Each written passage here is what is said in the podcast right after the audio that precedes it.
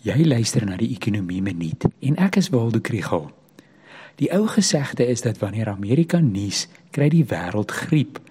Dit is goed genoeg rede om bekommerd te wees oor inflasie in die FSA, hulle stygende rentekoerse en of dit 'n resessie gaan veroorsaak of 'n sagte landing dalk moontlik gaan maak.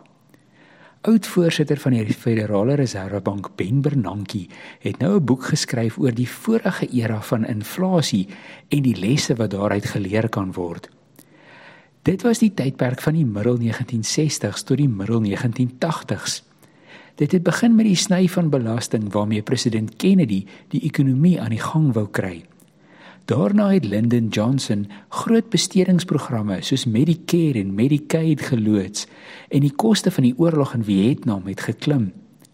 Toe Nixon in 1969 president geword het, het inflasie al sterk gestyg.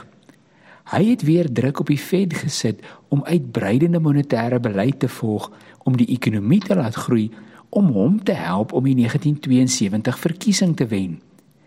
Toe tref die olieskok van 1973 en hulle ekonomie krimp terwyl pryse styg.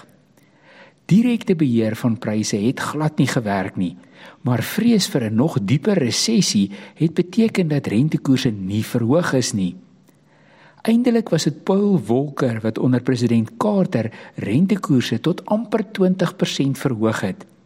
'n diep maar kortstondige resessie het gevolg en daarna dekades van stabiele pryse en ekonomiese groei. Die lesse vir vandag geld in die FSA en hier in Suid-Afrika. Een is dat inflasie en inflasieverwagtinge nie buite beheer moet raak nie en die manier om dit te beveg is met hoë rentekoerse. Twee is dat politieke inmenging baie gevaarlik is. Dankie tog vir 'n onafhanklike reservebank.